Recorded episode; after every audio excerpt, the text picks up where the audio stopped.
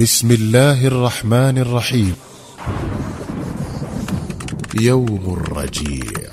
في أواخر السنة الثالثة للهجرة قدم على يثرب وفد من بني خزيمة يظهرون الإسلام ويعلنون الإيمان.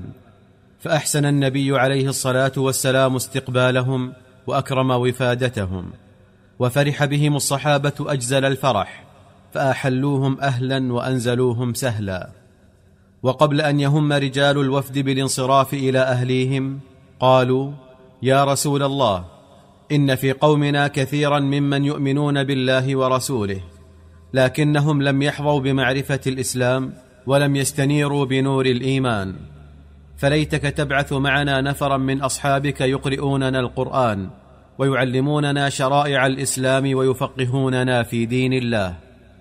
فاستجاب الرسول صلوات الله وسلامه عليه إلى طلبهم واختار لهم ستة من الأنصار هم مرثد الغنوي وخالد الليثي وعبد الله بن طارق وزيد بن الدثنة وخبيب بن عدي وعاصم بن ثابت وأمرهم بأن يتجهزوا للرحيل معهم والإقامة بينهم حتى يأتيهم أمره.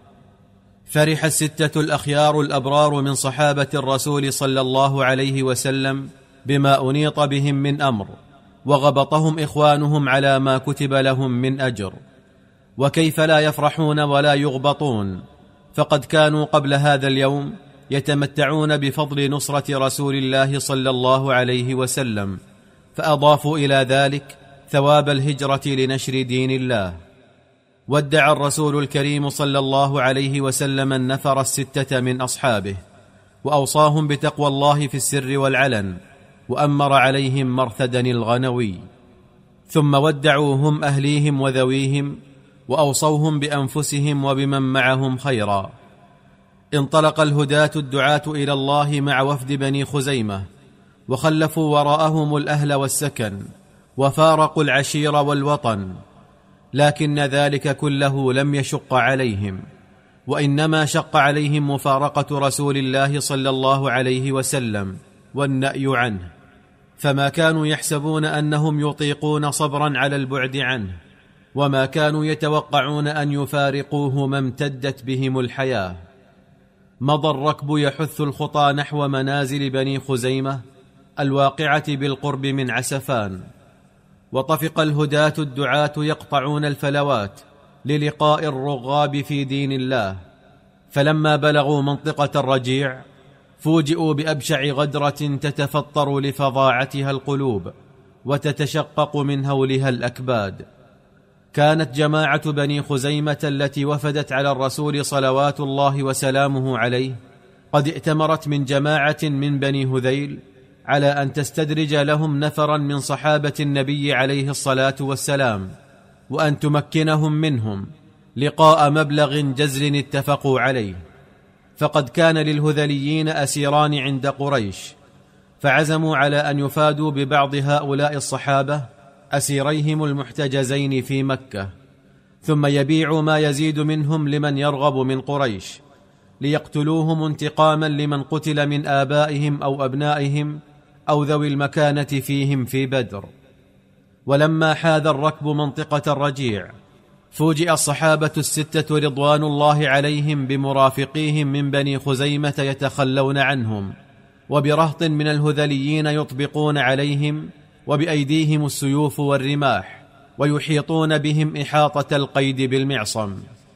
فما كان من الصحابة الستة إلا أن نزلوا عن ظهور رواحلهم. وامتشقوا سيوفهم من أغمادها وهموا بمقارعة الذين تصدوا لهم. فقال لهم الهذليون إننا أصحاب هذه الديار وجمعنا كثير غفير وجمعكم قليل ضئيل.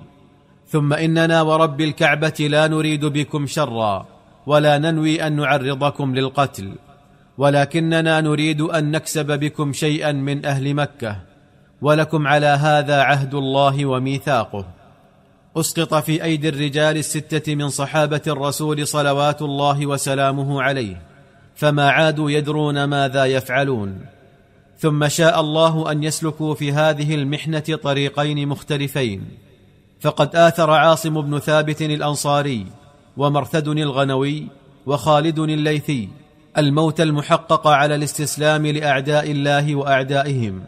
وقال بعضهم لبعض والله لا نقبل من مشرك عهدا ولا نرضى منه موثقا. ثم هبوا يقاتلون الهذليين قتالا مستميتا حتى خروا صرعى واحدا بعد آخر وقضوا شهداء في دقائق معدودات. وأما النفر الثلاثة الآخرون من صحابة الرسول عليه الصلاة والسلام وهم عبد الله بن طارق وزيد بن الدثنة وخبيب بن عدي فقد وثقوا بعهد العصبة الغادرة من هذيل واستسلموا لها. ولما علمت هذيل أن أحد القتلى الثلاثة هو عاصم بن ثابت الأنصاري فرحت بمقتله أشد الفرح. ذلك لأن عاصما رضوان الله عليه كان قد قتل يوم أحد فارسين أخوين من فرسان قريش. فنذرت أمهما سلافة بنت سعد إن هي ظفرت بعاصم أن تشرب في قحف رأسه الخمر وجعلت لمن يأتيها به حيا أو ميتا ما يشاء من منفس المال. فقام الهذليون إلى عاصم بن ثابت ليحزوا رأسه وهم يمنون أنفسهم بجزيل العطاء. لكنهم وجدوا أن أسراب النحل وجماعات الزنابير قد أحاطت بجسده من كل جانب فكانوا كلما راموا الاقتراب منه تصدت لهم. فقال بعضهم لبعض دعوه حتى يقبل الليل حيث تذهب عنه النحل والزنابير وعند ذلك نحز رأسه ونمضي به إلى مكة. ما كاد يقبل الظلام على منطقة الرجيع وما حولها حتى أرعدت السماء وأزبدت وقذفت بالمطر كأفواه القرب وعم الأباطح سيل لم ير مثله فحمل السيل عاصما ومضى به إلى أماكن بعيدة لم تطأها أقدامهم من قبل فبحثوا عنه في كل مكان فلم يعثروا عليه ونقبوا عنه في كل جهة فلم يهتدوا إليه فعادوا وهم يتلظون حسرة على ضياعه منهم. وكان عاصم رضوان الله عليه قد عاهد الله عز وجل على ألا يمس مشركا ما امتدت به الحياة. وسأله سبحانه ألا يتيح لمشرك سبيلا لأن يمسه فحقق الله لعاصم ما عاهده عليه واستجاب لما دعاه له. فكان عمر بن الخطاب رضي الله عنه يقول يحفظ الله العبد المؤمن. كان عاصم نذر ألا يمسه مشرك وألا يمس مشركا في حياته فمنعه الله بعد وفاته كما امتنع منه في حياته. انطلق الهذليون بأسراهم الثلاثة نحو مكة وذلك بعد أن انتزعوا سيوفهم التي كانوا يتقلدونها واستولوا على رماحهم التي كانت في أيديهم ثم حلوا أوتار قسيهم وقيدوهم بها. فنظر عبد الله بن طارق إلى القيود التي قيدتهم بها هذيل وقال هذا أول الغدر. وجعل يتربص فرصة يستطيع استنقاذ نفسه فيها. فلما رآهم غافلين عنه انتزع يديه من قيده وهم بتخليص صاحبيه زيد بن الدثنة وخبيب بن عدي من قيديهما. لكن الهذليين نذروا به فلم يقتربوا منه خوفا من بطشه وبأسه ولم يتركوه ينجو بنفسه. وإنما أخذوا يرمونه بالحجارة حتى أردوه قتيلا وخلفوه في مكانه. ثم مضوا بزيد بن الدثنة وخبيب بن عدي حتى بلغوا بهما مكة وعرضوهما على الناس. هب الموتورون الحاقدون من كفار قريش يريد كل منهم أن يظفر بالأسيرين مهما غلا ثمنهما ليقهروا بهما محمدا صلوات الله وسلامه عليه. ويثاروا منهما لقتلى بدر ثم تباروا في دفع غالي الأثمان بهما فقام إليهم أحد سادة قريش وقال يا معشر قريش لا تتنافسوا على هذين الأسيرين وتغالوا في ثمنيهما وإنما اتركوهما لمن كان له ثأر عندهما فهو أولى بهما من سواه وأجدر بأخذهما من غيره.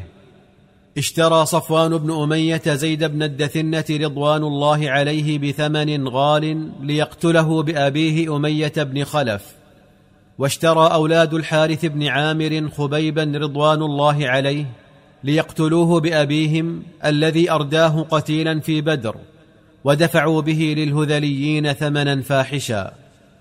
لم يصبر صفوان بن أمية طويلا على أسيره.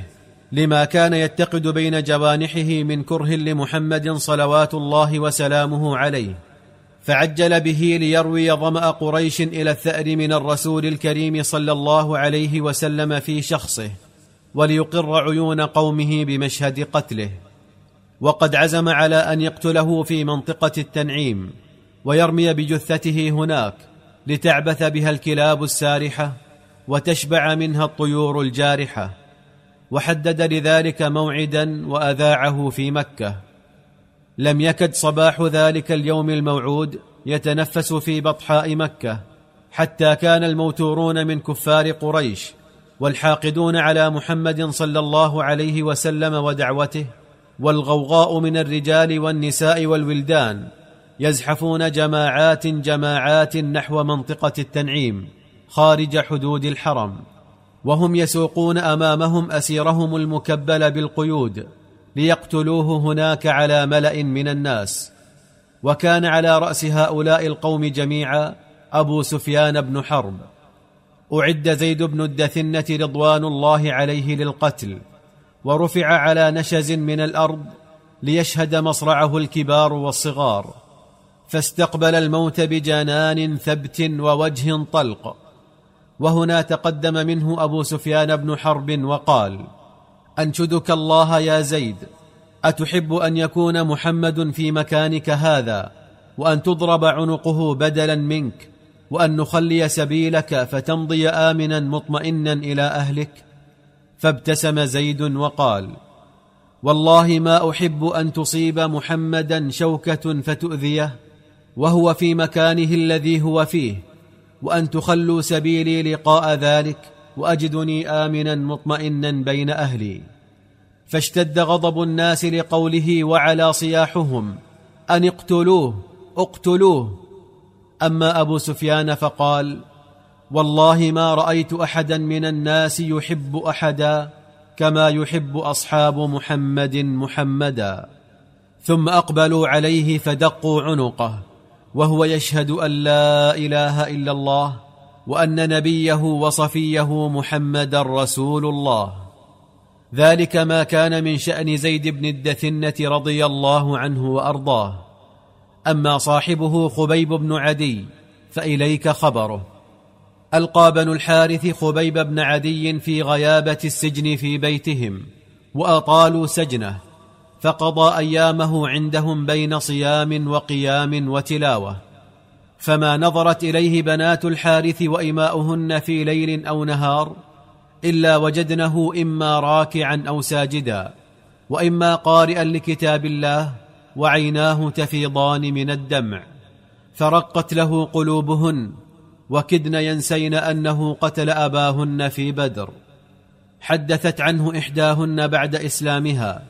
قالت حبس خبيب بن عدي في بيتنا فلما عزم القوم على قتله سألني أن أعطيه سكينا يحلق بها ما ينبغي أن يحلقه المسلم من شعره ويتنظف للقتل فأجبته إلى طلبه.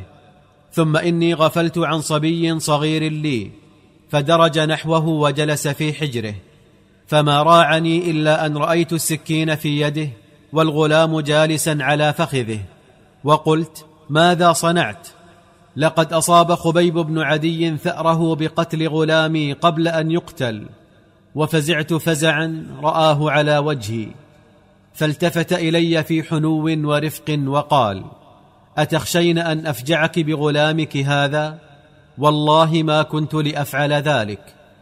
ثم أردف قائلا إننا معشر المسلمين لا نلحق الأذى بغلام صغير؟ أو شيخ معمر كبير أو راهب نذر نفسه للعبادة وإنما نقاتل من عدا علينا وعمل على إخراجنا عن ديننا.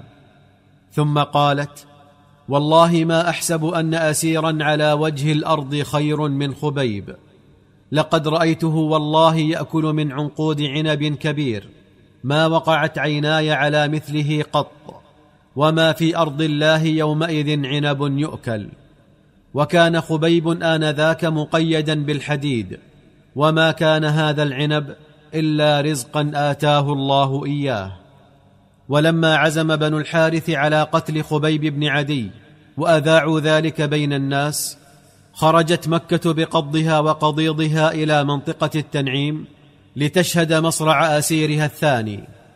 فلما قربته قريش للقتل قال لكبرائها إن رأيتم أن تدعوني أصلي ركعتين فافعلوا. فرق له واحد منهم وقال دونك فصل ركعتيك. فركع خبيب أتم ركعتين وأحسنهما.